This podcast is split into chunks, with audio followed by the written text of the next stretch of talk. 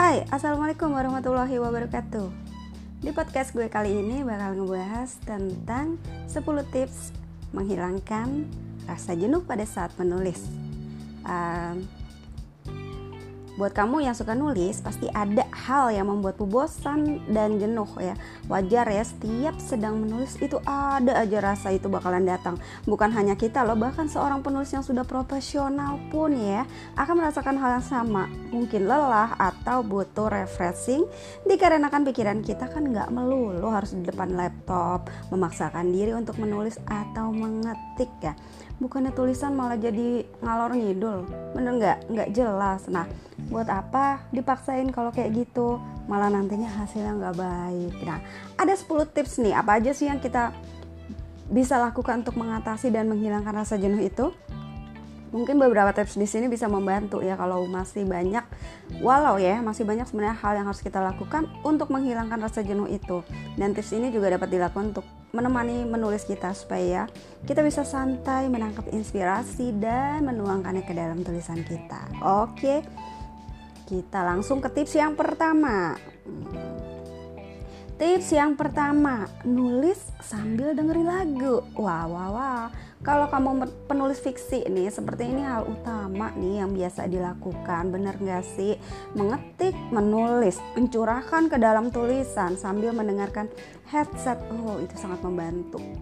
Misal menulis cerita romans, percintaan, pasti lagu slow sama romantis pilihannya. Um, atau uh, berjenis instrumen atau lagu romantis lagu-lagu uh, itu menurut selera kamu ya kan um, dengan mendengarkan musik tuh um, kita tuh bisa meresapi setiap bait kata yang bakal kita tulis memang tidak semuanya ya ada aja yang tidak dengan cara ini. Namun ini cara ampuh buat kamu yang lagi menulis. Nah, coba aja deh, ya kan? Terus yang kedua, dengan ditemani cemilan. Wow, wow, wow. Yang kedua ditemani cemilan. Nah, kalau ini jangan sampai terlena sambil ngemil ternyata malah cemilannya habis. Tulisan nggak tertulis sama sekali. Tolong jangan seperti ini ya. Disarankan menulis memang kalau mau ada cemilan atau makanan kecil di deket laptop kita boleh-boleh aja bagi sebagian penulis itu merupakan teman menulis juga hanya saja bisa kok dijadikan selingan ya kan jangan maunya ngemil terus ini kebanyakan sambil ngemil kebanyakan ngemilnya ya ketimbang nulisnya. Nah, menurut pengalaman jika menulis ditemani cemilan itu akan menambah semangat kita juga loh seperti ada sedikit tenaga kecil penambah mood booster kita dalam menulis. Dengan begitu setiap imajinasi kita akan terkumpul perlahan-lahan di lebay ya. Ini nggak lebay kok. Coba aja. Diharapkan sih memilih makanan kecil yang paling kita gemari yakin deh bakal makin nambah semangat kamu. Oke, next yang ketiga, cari tempat nyaman. Seperti apa tuh? Kenapa harus begini? Padahal kalau menulis menulis ya mayoritas kita pasti di meja. Sambil mata melotot tak jemu-jemu di depan laptop kesayangan. Nah kan kesayangan kan? Kenapa nggak kamu bawa saja dia ke tempat nyaman? Karena kesayangan nih laptop kesayangan. Bawa dia ke tempat nyaman. Supaya bisa berduaan aja sambil menikmati hal baru di tempat yang baru. Gue udah kayak berumah tangga aja ya e, menikmati hal baru di tempat yang baru. nah, pastinya kamu pingin ya tempat yang nyaman dan damai, tentram buat nulis sembari ngopi-ngopi. Kenapa enggak? Catatannya lagi diusahakan sendiri aja. Karena kalau dengan teman atau malah teman lebih dari satu nih, gue yakin ini nggak akan membuat tulisanmu banyak tertuang. Tetapi ada juga sih yang nggak menutup kemungkinan nih ya, e, bisa dengan lancar melahap banyak tulisan meski di tempat ramai sekalipun. Tetapi tips gue ini mengajak untuk ambil suasana nyaman aja untuk sendiri menulis. Dan tips ini ini dilakukan akan membuatmu lebih fokus ke menulis. Apabila ada pemandangan indah untuk dipandang, kenapa tidak kita jadikan objek bahan menulis? Ya kan? Penulis pasti lebih tahu deh apa yang harus dilakukan untuk bahan tulisannya. Yang keempat, tinggalkan sebentar. Hmm, pasti ada penasaran nih, tinggalkan sebentar maksudnya apa sih? Hmm, yang ini maksudnya tuh refreshing ya, refreshing dulu ya Ya, benar sekali ya. Menulis itu kan otak kita butuh refresh, butuh istirahat. Juga seluruh anggota tubuh kita tidak luput dari kata istirahat. Menulis untuk seorang penulis sangat perlu, bahkan dianjurkan. Jangan biarkan hati dan tubuh serta pikiran kamu dibiarkan dan dipaksa bekerja. Padahal sangat lelah. Nah, percuma imajinasi tuh nggak nggak dapat malah lelah yang didapat. Nah, dan tulisan makin enggak karuan karena keterpaksaan. Nah, caranya gimana? Gue punya beberapa cara ngatasinnya ya, di antaranya nih. Kamu bisa baca buku. Nah, kenapa baca buku? Menurut gue ini beda loh dengan diselingin membaca buku. Apa aja kegiatan menulis yang kita tinggalkan sesaat untuk mengisi bahan untuk mengisi bahan kembali untuk dituangkan kita perlu membaca buku.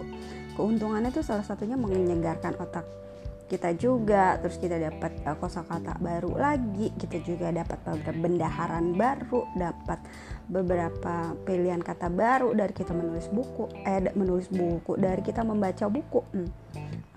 baca buku komik is oke okay.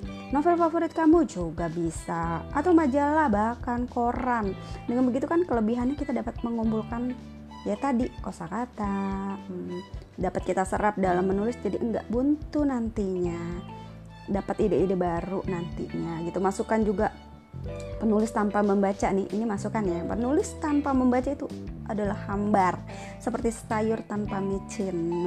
Bener nggak? Oke okay. selanjutnya lagi bisa jalan-jalan Hal yang satu ini pasti mengasihkan ya, tapi jangan kebablasan. Saking asiknya jalan-jalan lupa waktu deh. Maksudnya jalan-jalan tuh adalah menstimulasikan kembali bagian organ tubuh kita untuk bisa lebih refresh dan segar kembali jika akan menulis nantinya. Itu jalan-jalan bisa dilakukan dengan makan, jalan santai, nonton, melihat alam yang luas itu perlu juga supaya tidak penat dengan banyak tulisan apalagi deadline terus alasan blog writer yang sebenarnya sugesti kita aja ya blog writers itu Kemudian kumpul dengan teman-teman. Ini juga akan menyita waktu ya jika kamu keenakan jalan, menghabiskan waktumu dan tidak ingat waktu. Makanya kalau kumpul sama teman-teman, oke, okay, oke, okay. itu sekadar untuk merefresh otak kamu. Tapi ingat waktu. Jadi kamu harus balik lagi untuk nulis.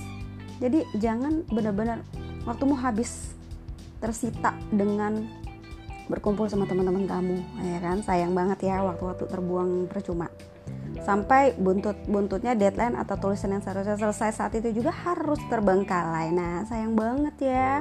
Tetapi ada lagi nih kumpul dengan keluarga. Nah ini sesuatu hal yang kadang kita lupakan ya. Ini ada hal yang wajib dilakukan di sela kamu menulis. Keluarga itu harta oh ya. Harta yang paling berharga adalah keluarga. Eh nyanyi dong gue. Karena dengan berkumpul dan bercanda dengan keluarga kita tuh akan punya semangat menulis nantinya untuk melanjutkan. Apalagi dengan melihat ponakan-ponakan lucu. Semua keluarga berkumpul. Nah indah bukan? Nah seperti itu. Nah yang kelima atribut yang menunjang. Nah ini atribut yang menunjang apalagi ini? Nah atribut di sini maksudnya adalah atribut yang bagaimana maksudnya nih? Maksudnya di sini nih gue jelasin nih sedikit ya ini jika kamu suka menulis di kamar atau di meja kerja ya supaya tambah lebih berkesan atau bersemangat maka kamu lengkapi peralatan yang menunjang seperti buku tulis, tip X atau whatever, coretan atau correction type, pena dan sebagainya. Kita menulis itu juga butuh buku dan kertas ya untuk coret-coret ya sebelum kita mengetik. Walau sebagai penulis itu beda ya caranya. Satu hal lagi tambahan. Rapikan meja. Rapikan meja dengan menghiasi. Mungkin sisi-sisinya tuh ada sesuatu yang lucu-lucu seperti ada boneka. Kalau kamu suka boneka apa? Hello Kitty atau boneka apalah taruh deh. Atau hiasan-hiasan kecil yang membuat uh, apa ya melengkapi mood kamu tuh dalam menulis ya. Jadi semakin mood kamu menulis semakin mudik ini ada gunanya juga ya. Dengan begitu kamu lebih nyaman menulis dengan semua hal itu yang benar-benar menunjang kamu ya. Terus jangan sampai kelabakan mencari semua barang itu sambil menulis. Karena ada yang oh gue mau menulis tiba-tiba kelabakan nyari-nyari-nyari gitu. Padahal emosi ya kalau nyari-nyari barang kita yang entah raib ke mana perginya. Makanya disiapin dulu sebelum kamu menulis. Dipersiapkan gitu ditata rapi dulu seperti flash disk yang hilang dan sebagainya mengganggu banget tuh kan. Itu bikin kesel banget. Nah, gue pernah tuh kayak gitu tuh. Mesti uh, mau nulis tapi eh, ini ke mana ini ke mana? Makanya dipersiapkan dulu. Karena dalam menulis artikel misalkan uh, menulis esai novel dan lain-lain ya itu amat diperlukan riset dan kerangka atau pembuatan potlot yang sebagian akan dituliskan dahulu di buku atau notes maka alat penunjang ini amat diperlukan gitu. Gitu loh ya maksud gue. Uh, gue pernah buat artikel nih sebelumnya tentang menulis atau mengetik. Ya, itu judulnya ya. Bagaimana notes itu sangat diperlukan ke mana pun kamu berada dan menjadi salah satu penunjang kamu dalam menulis ya.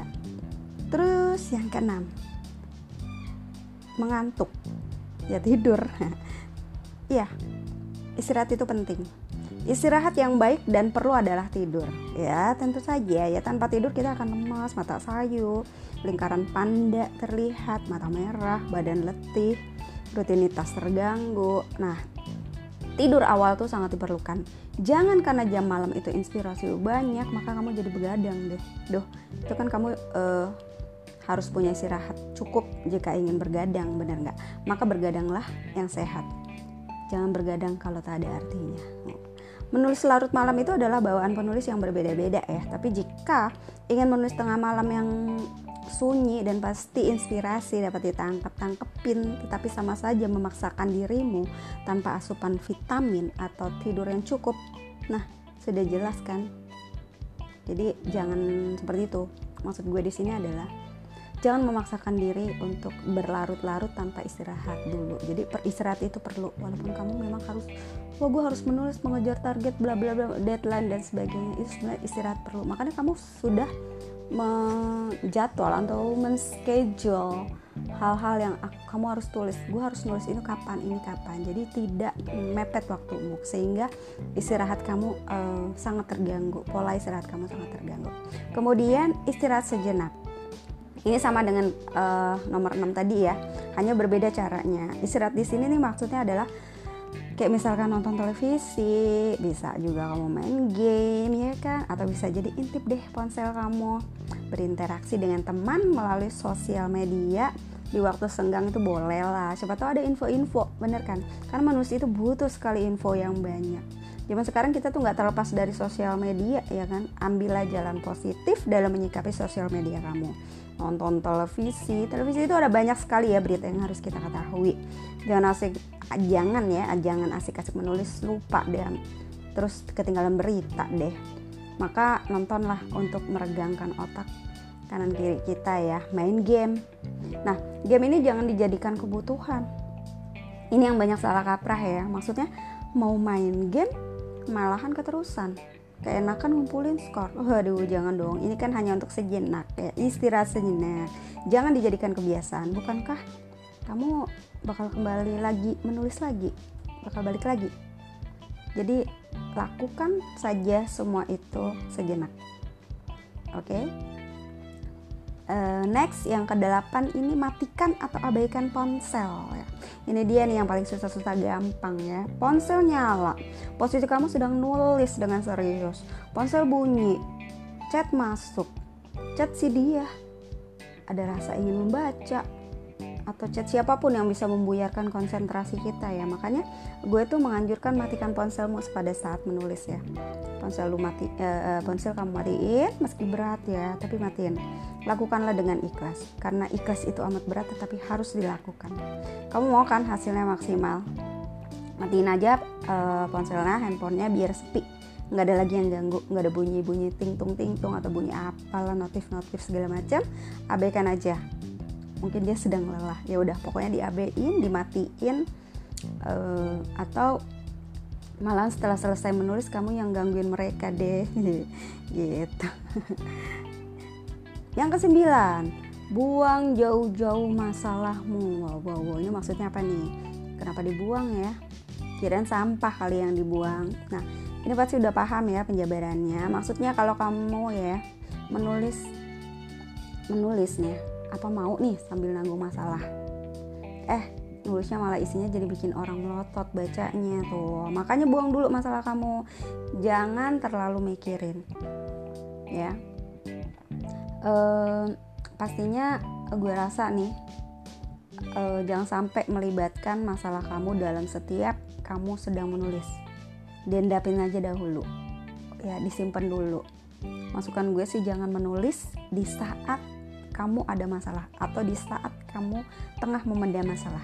Karena masalah yang masih melekat di dalam kita nih pada saat menulis ketika menulis akan mengganggu jalan lancarnya tulisan kamu proses menulis kamu. Ya bakal macet seperti macetnya jalan tol. Udah jalan tol macet ya kan? Kalau nggak percaya lakuin deh. Ketika kamu lagi ada masalah dengan uh, kamu lagi ada masalah atau tidak terus kamu menulis ya kan? Terus lihat aja perbedaannya rasakan. Yang ada isinya penuh emosi ya. Karena kamu memendam masalah itu gitu. Tapi kalau kamu nggak ada masalah uh, beda banget. Karena um, kamu akan menulis dengan enak gitu tanpa ditiban dengan masalah pribadi kamu gitu. Um, kopi. Ini yang terakhir ya. Tips yang terakhir adalah kopi kopi. Ngopi diam-diam baik.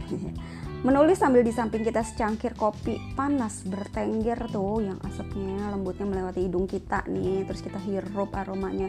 Aduh begitu harum dan memikat hati. Ini mah hampir setiap penulis melakukannya ya. Karena di dalam kopi ada aroma menenangkan dan menyejukkan hati. Sama halnya dengan aroma terapi ini hal yang sangat dilakukan kebanyakan para penulis Teman sejati yang paling setia yaitu secangkir kopi hangat, penunjang teman dalam menulis. Masukan nih dari gue ya. Dengan kopi ini carilah juga tempat yang nyaman ya. Sambil melihat ke depan pepohonan yang hijau asri misalnya akan semakin membuat tulisanmu ciamik. Berbeda rasanya dengan di tempat ramai. Boleh dicoba deh. Ya, jadi carilah tempat yang nyaman. Banyak kok kafe-kafe yang benar-benar nyaman membuat kamu ketika kamu menulis kamu nyaman dengan tulisan kamu gitu loh tidak ada yang mengganggu Oke demikian ya 10 tips yang gue kasih semoga bermanfaat dan membantu kepenulisan kamu. Ada beberapa yang gue lakukan nih di sini dan semua hampir memang berguna. Tetapi balik lagi ke diri kita masing-masing, balik lagi ke kamu deh ya. Apakah itu enjoy kamu lakukan atau tidak? Ya sorry banget kalau tips ini nggak berkenan dan keberatan ya bisa lo tinggalin aja deh. Nggak perlu dilakukan. Baris but itu adalah 10 tips yang gue kasih untuk menghilangkan rasa jenuh lo ketika lo menulis. Uh, salah satunya kalau lo menghadapi block writer ya kan semua cuma tips aja ya namun semangat dalam menulis. Semangat semangat semangat semangat itu harus kita perlukan uh, di luar itu semua. Yang jelas tetaplah menulis. Apa pun jangan jadi halangan kamu dalam menulis. Belajar terus dan belajar, menulis terus dan menulis. Jangan lupa membaca. So, keep reading, keep writing. Dan demikian podcast gue kali ini dan next gue bakal bahas lagi tentang kepenulisan lagi yang lainnya. Semoga bermanfaat dan bye bye. Assalamualaikum warahmatullahi wabarakatuh. Ciao.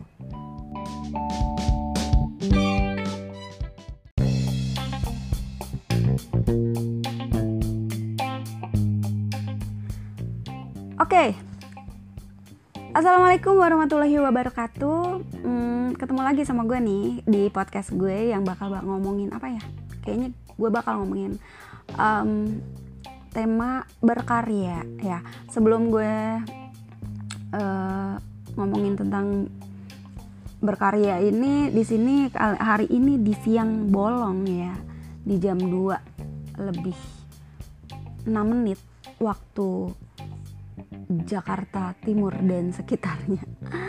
Um, lagi di rumah di rumah aja isolasi diri. Um, anyway buat kamu tetap uh, jaga kesehatan juga tetap um, makan makan makan makan makanan yang sehat makan vitamin juga tetap berpikiran positif tentunya ya. Nah kali ini gue bakal ngebahas tentang berkarya. Yang ngobrol tentang berkarya itu apa sih sebenarnya berkarya?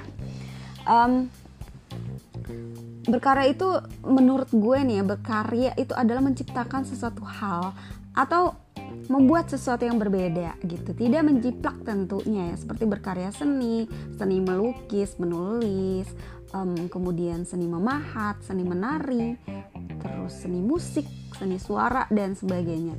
Banyak sekali ya semakin unik dan berbeda suatu karya akan mempunyai nilai tinggi pada hasilnya atau karya karya yang ia miliki. Maka jika mau berkarya orang pasti berpikir keras atau paling tidak mengembangkan suatu ide yang dia dapat untuk kemudian dia ciptakan menjadi karya nyata um, dengan mencoba semaksimal mungkin agar menghasilkan karya terbaik begitu ya dengan tidak berusaha dengan tidak atau berusaha tidak sama dengan hasil karya orang lain sehingga jika dinikmatin akan terasa bahwa itu sangat hebat dan lain daripada yang lain. Pada seorang pelukis misalnya, ia akan menciptakan jenis lukisan yang unik. Pada akhirnya, saking uniknya tuh harga jualnya akan semakin tinggi dan banyak yang ingin membeli karena memang tidak dimiliki oleh pelukis-pelukis lainnya. Uh, itulah untungnya di dalam seni melukis. Kemudian pada seorang penulis pun demikian ya, semakin berkarya dengan tulisan yang tidak pernah ditemui, pembaca biasanya tuh um, tulisannya tuh banyak diminatin gitu ya. Belum lagi yang paham dengan arti dalam setiap kata-katanya. Juga menginspirasi banyak pihak atau orang-orang yang membaca tulisannya tentunya ya. Begitupun dengan seni-seni lainnya yang maksudnya pasti sama dengan seni yang sudah aku raikan di tadi um, seperti seni lukis sama seni menulis terus um, ada lagi nih bagaimana sih cara menghargai karya orang lain? Uh, sebenarnya kita uh, kudu dan wajib ya. Kenapa? Karena setiap karya apa pun itu mempunyai berbagai makna dan arti bagi si pemilik karya tersebut bagi si empunya karya tersebut si pembuat karya tersebut ya kan? Itulah mengapa kita patut menghargainya. Uh, sama kan sama, kita ya kalau kita sendiri punya karya terus mencipta sebuah karya ketika ada yang menghujat atau menyinyir karya kita pasti rasanya itu bakal sakit banget ya sakit sekali. Maka mulailah belajar menghargai karya seni orang lain dimulai dari diri kita sendiri. Sebagai contoh nih aku tuh aku tuh selalu menghargai ya menghargai karya orang lain apa pun itu gitu um, dengan cara memujinya atau bila perlu aku membeli bukunya. Karena itu juga memberikan dia semangat. Itu jangan lupa ya karena aku juga pernah punya teman um, dia membu membuat suatu buku mencetak buku dan aku membeli buku dia itu kemudian ada beberapa penulis yang aku uh, juga kebetulan mengenal dia dengan baik dan aku um, dengan menghormati dan um, menghormati karya dia juga uh, aku membeli bukunya gitu. So itu nggak salah gitu loh. Jadi kamu juga bisa lakukan itu dengan cara um, membeli bukunya dia atau um, siapa tahu siapa tahu dengan kita membaca bukunya dia kita akan tahu itu um, di mana kekurangannya dia. Atau kita bisa memberikan sebuah kritik yang mana tentunya kritiknya itu harus dengan sopan dan masuk akal ya.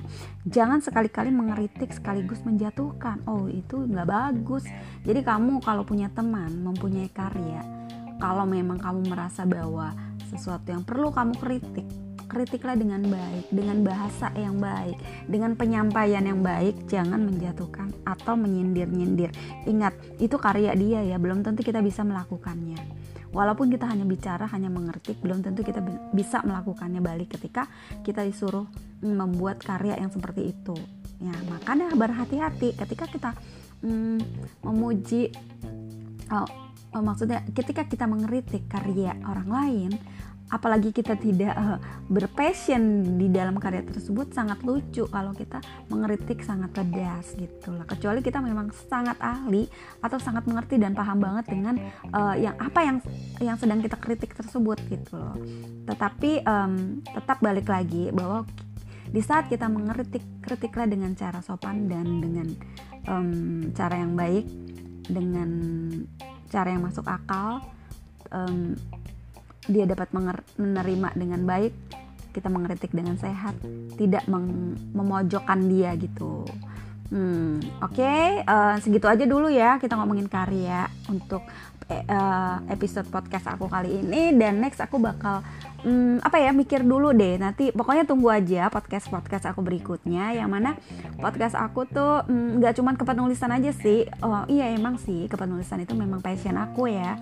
Jadi uh, aku nanti kalau misalnya aku ada sesuatu yang bakal aku omongin di podcast ini aku bakal omongin kok ya um, uh, meskipun tentang kepenulisan tentang uh, keresahan aku tentang dunia kepenulisan tentang um, karya-karya dunia tulis menulis aku bakal ngobrolin di podcast aku. Tapi nggak tahu um, apa yang akan aku obrolin berikutnya gitu loh tapi uh, apa yang aku omongin berikutnya ya tapi aku akan pikirkan lebih dahulu tapi apa pun itu yang berhubungan dengan literasi bakal aku bahas di sini di podcast aku uh, dengan episode episode berikutnya. So, ditunggu aja buat teman-teman yang ngedengerin kebetulan ngedengerin podcast aku kali ini. So, ditunggu aja ya. Um, jadi terima kasih dan selesai untuk podcast uh, bertema karya di siang hari ini. Terima kasih yang udah mendengarkan. Assalamualaikum warahmatullahi wabarakatuh.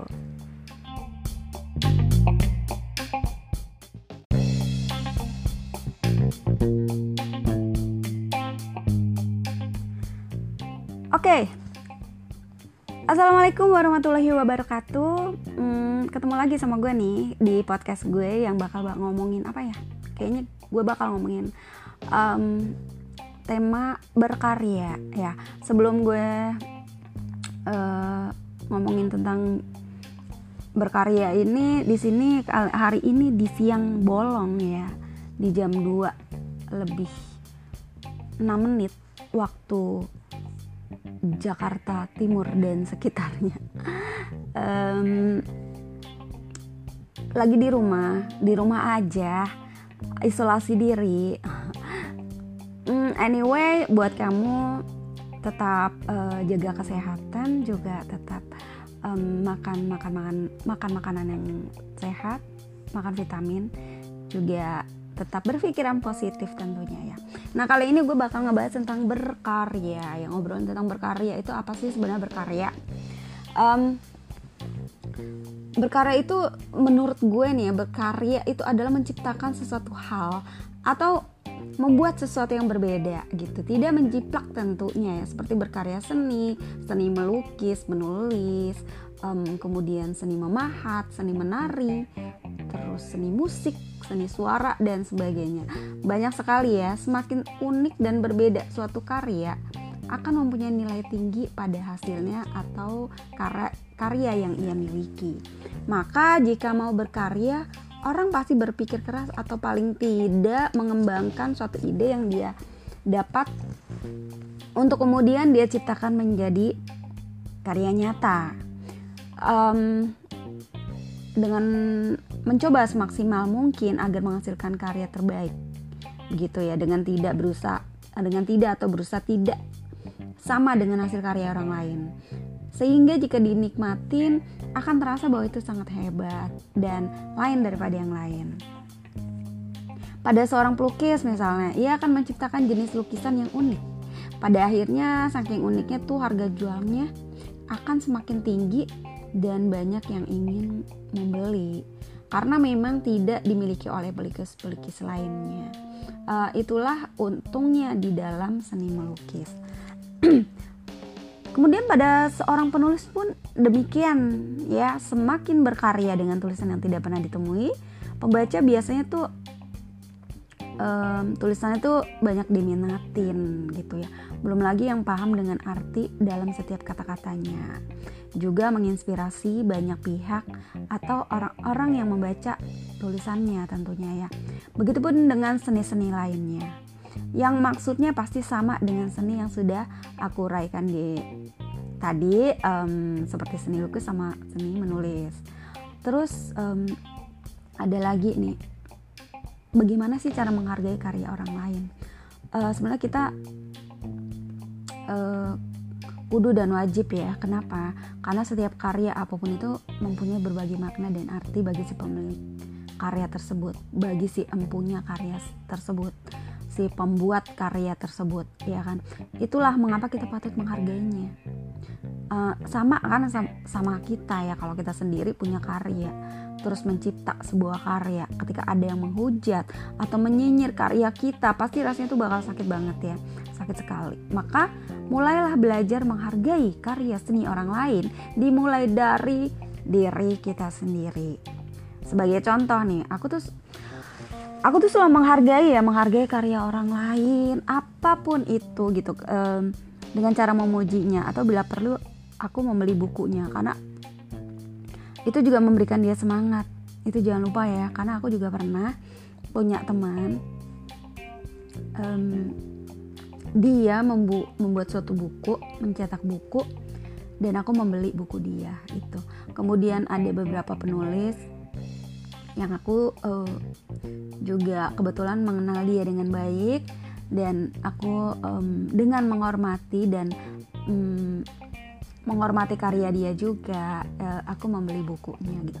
So itu nggak salah gitu loh. Jadi kamu juga bisa lakukan itu dengan cara um, membeli bukunya dia atau um, siapa tahu siapa tahu dengan kita membaca bukunya dia kita akan tahu itu um, di mana kekurangannya dia. Atau kita bisa memberikan sebuah kritik yang mana tentunya kritiknya itu harus dengan sopan dan masuk akal ya.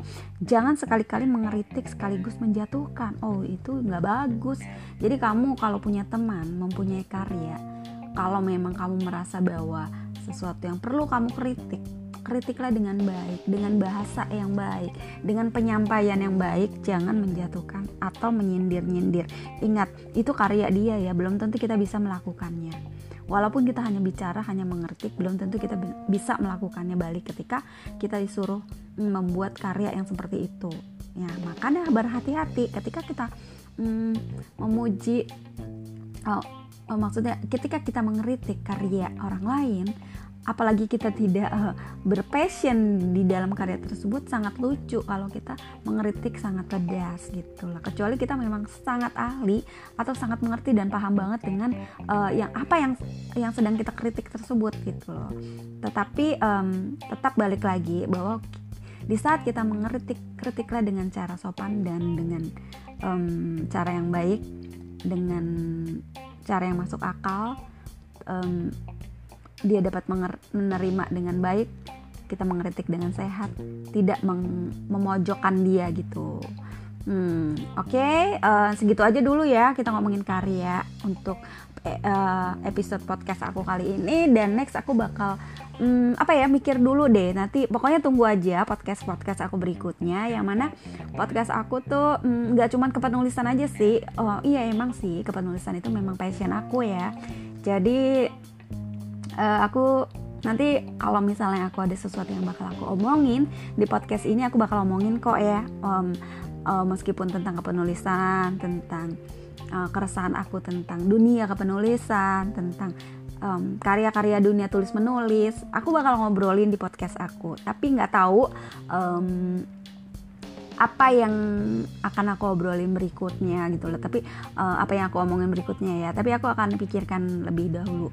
Tapi apa pun itu yang berhubungan dengan literasi bakal aku bahas di sini di podcast aku uh, dengan episode episode berikutnya. So ditunggu aja buat teman-teman yang ngedengerin kebetulan ngedengerin podcast aku kali ini. So ditunggu aja ya. Um, jadi terima kasih dan selesai untuk podcast uh, bertema karya di siang hari ini. Terima kasih yang udah mendengarkan.